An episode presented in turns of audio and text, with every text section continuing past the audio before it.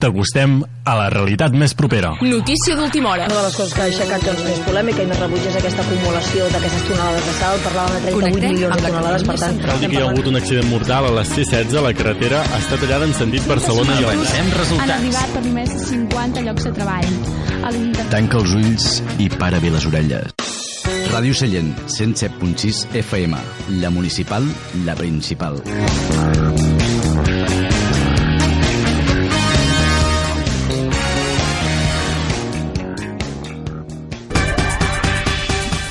Dat Sallent. L'anglès arriba a casa des del Go Idiomes amb Montse Parera.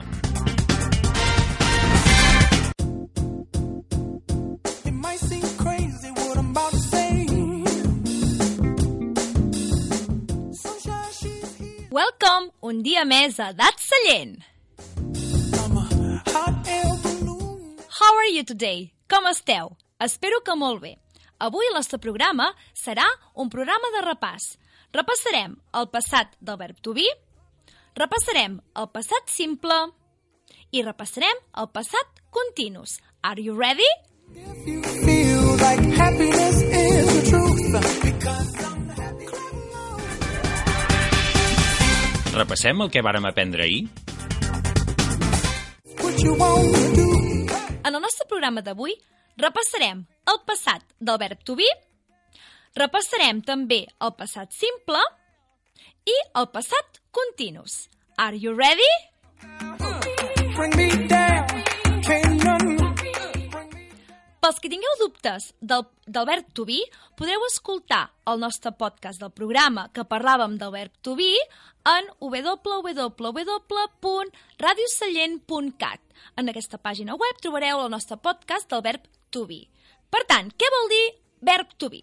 El verb to be vol dir ser o estar i el seu passat vol dir ser era o estava, que és was o were.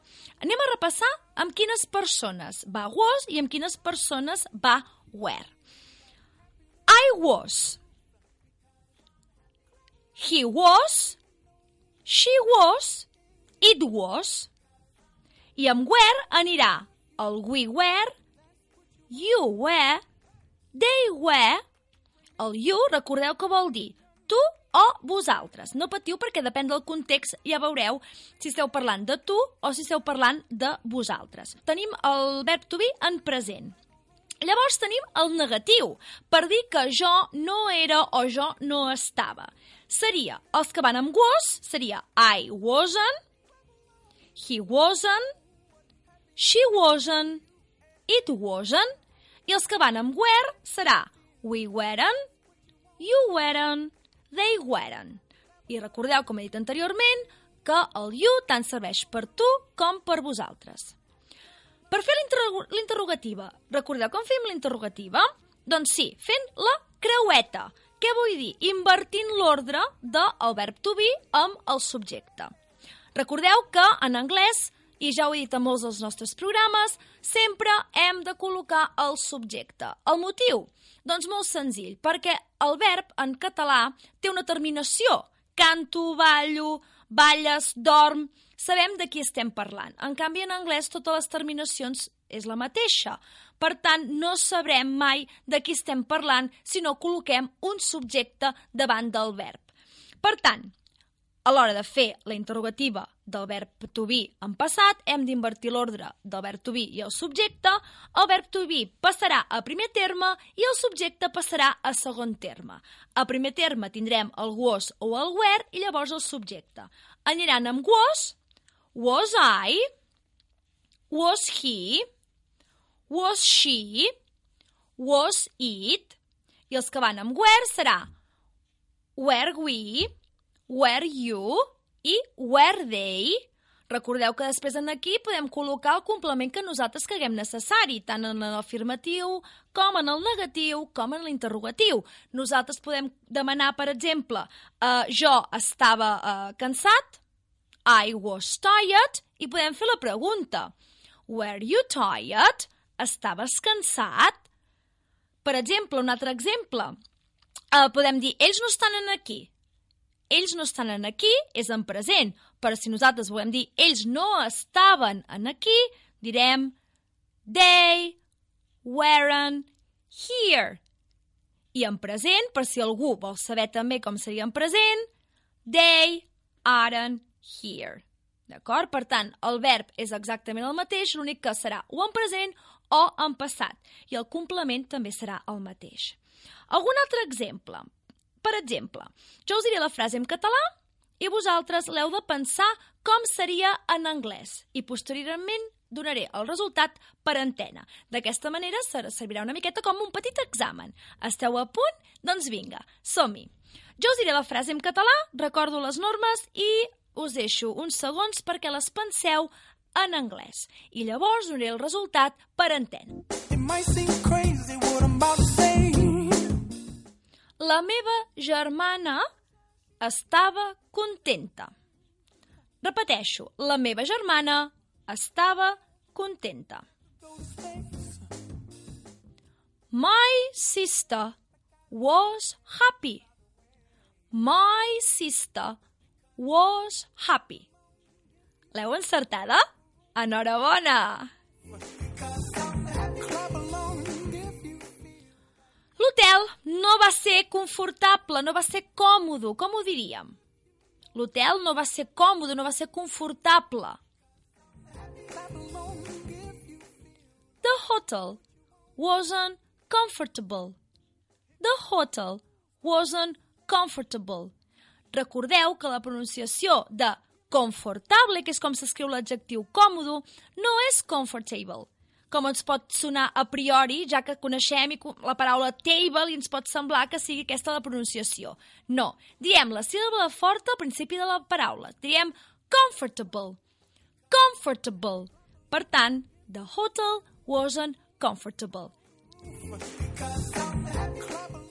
Una altra frase, en aquest cas, eh, tenim dues amb, amb, amb el verb to be en passat. Eh? És una frase composta, per dir d'alguna manera. Quan jo era petita, tenia por als gossos. Quan jo era petita, tenia por als gossos. Un xic més complicada, oi? La resposta és When I was a child, I was afraid of dogs.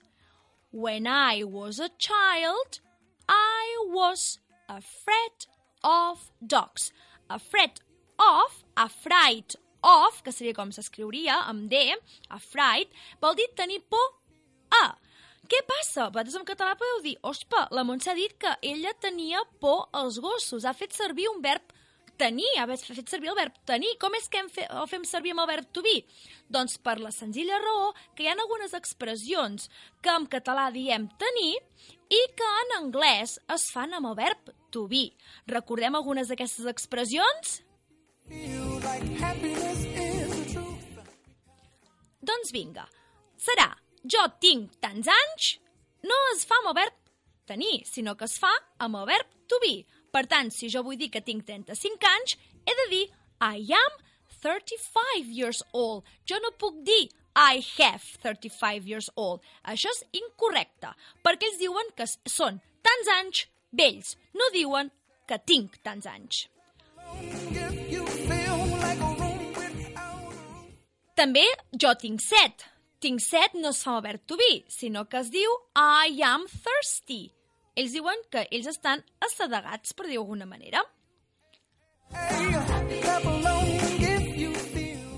Jo tinc gana, una de les expressions que van amb el verb to be i no amb el verb to have, que serà I'm hungry. I'm hungry. Jo tinc gana. Una altra expressió és que jo tinc fred o tinc calor. Jo tinc fred o tinc calor també sempre va amb el verb uh, to have i no, perdó, amb el verb to be i no amb el verb to have. D'acord? Per tant, recordeu que sempre hem de dir que jo uh, estic acalorat o uh, estic fred en el sentit. Sí que els anglesos, quan volen referir-se a que tenen un refredat, sí que diuen l'expressió I have a cold, que vol dir que jo tinc un refredat. Per tant, el tanto que podem confondre de algú que ens diu que té fred no li farem massa cas perquè ens pensem que tindrà un refredat o a l'inrevés. Per tant, hem de parar molta atenció si és I have a cold o I'm cold. Like that's what you want to do. Continuem amb els exemples del verb to be en passat. Uh, us dic la paraula, us recordo la paraula, la frase en català i l'heu de dir en anglès, o pensar-la si més no.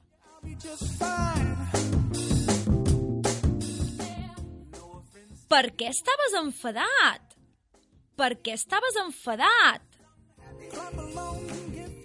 La resposta és Why were you angry? Recordeu la pronunciació hungry, gana, angry, enfadat. Why were you angry? Per què estaves enfadat? Com han sortit les frases? Espero que bé. Us recomano que investigueu per internet i busqueu més exemples o us apunteu vosaltres frases en català i intenteu-les traduir. D'acord? Veureu que aprendreu molt, molt, molt, molt més ràpidament. Bring me down. Love is too high. Bring me down. Un cop hem repassat el verb to be, en passat passarem a repassar el passat simple. El passat simple, en català, és jo vaig anar al cinema, jo vaig, a, vaig anar a sopar, jo vaig anar a escola i així successivament, d'acord? Què passa? Tots els verbs han de seguir l'estructura que us explicaré ara. Excepció del verb to be, que el verb to be ja el vam comentat que es feia diferent. Ell juga, com dirien els amants del futbol, a una lliga diferent. Doncs passem a explicar el passat simple o a recordar el passat simple de tots els verbs del món mundial, excepte el verb to be. L'estructura sempre la comentem que és de la mateixa manera, frase positiva, frase negativa i frase interrogativa. En la frase positiva hem de col·locar un subjecte i col·locar el verb en segona columna, si és un verb irregular, o ed, si és un verb regular. I ara us preguntareu, com jo puc saber quins són els verbs regulars i quins són els verbs irregulars? Doncs fem servir l'eina d'internet. Busqueu la llista dels verbs regulars en anglès i la llista dels verbs irregulars també en anglès. Tindreu la traducció, tindreu com es pronuncien i podeu practicar a casa fent frases. Per tant, us recomano que la busqueu, les busqueu i practiqueu i estudieu els verbs, que és molt important, perquè sense els verbs no podem construir frases. I si no podem construir frases, no podrem parlar mai anglès. I aquest és el kit principal de la qüestió. Estudiar, estudiar i estudiar. Doncs continuo el, el que anava i no, i no m'enrotllo més. Tenim un verb amb segona columna, si és un verb uh, irregular, o ed, si és un verb regular, regular. I llavors col·locarem el complement, si és necessari.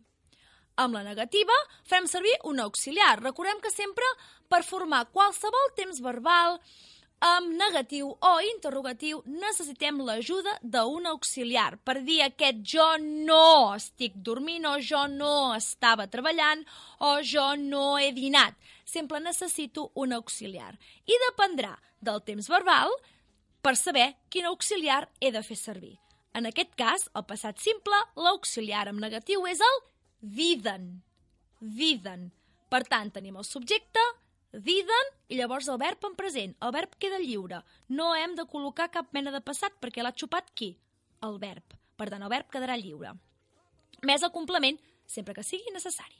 I amb interrogatiu, comencem de les dues maneres possibles que comencem una pregunta. Podem començar amb la WH question, que és la partícula que ens ajuda a formar la pregunta, per dir el què, qui, com, quan, per exemple, o podem començar directament amb l'auxiliar, amb l'auxiliar did. Si jo no vull demanar uh, què, estaves, què, què vas fer, si jo vull demanar vas anar al cinema, no necessito cap WH question per formar aquesta pregunta.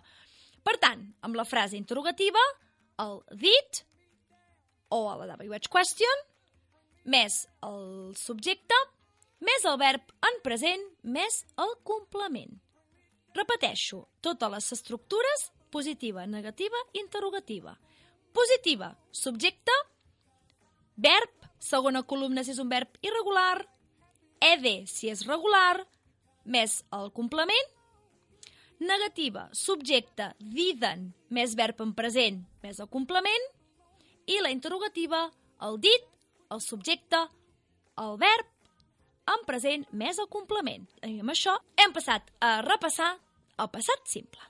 You know. Ara passarem a repassar el passat continus. El passat continus. El passat continus, la seva traducció és jo estava cantant, jo estava dormint, jo estava fent els deures. Recordeu que anteriorment hem explicat el verb to be en passat, per tant l'hem de recuperar perquè l'hem de fer servir si volem formar un passat continus. Anem a veure. Tenim nosaltres el verb to be i necessitem un verb amb ing. Passem a veure la seva estructura. En la frase positiva tenim un subjecte, tenim un was o un weren, conjugat sempre a partir del subjecte, que vull dir que si sóc jo serà I was, però si ets tu serà you were. Més el verb amb ing més el complement. Amb la negativa tenim el subjecte, was, wasn't o weren, sempre conjugat a partir del subjecte, el verb amb ing més el complement i finalment la interrogativa, que fem la creueta. Comencem amb un was amb un were o amb una WH question. O sigui, sempre podem començar, tenim les dues maneres de poder començar una frase. Si volem començar amb què, qui, com, quan, on, comencem amb una WH question, i si no, doncs podem començar directament amb el verb to be en passat, més un subjecte, més el verb amb ing, més el complement. Fàcil, oi? If Doncs fins aquí el programa d'avui. Us recomano que sobretot estudieu i us apunteu les estructures i feu frases que d'aquesta manera us serà molt més senzill aprendre anglès. Només queda dir que moltíssimes gràcies, thank you very much i ens veiem a la pròxima. Happiness is you. Hey, hey, hey.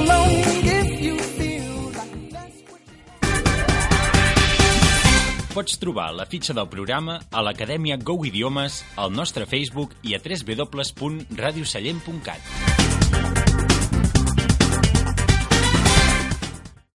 allò que som, allò que fem.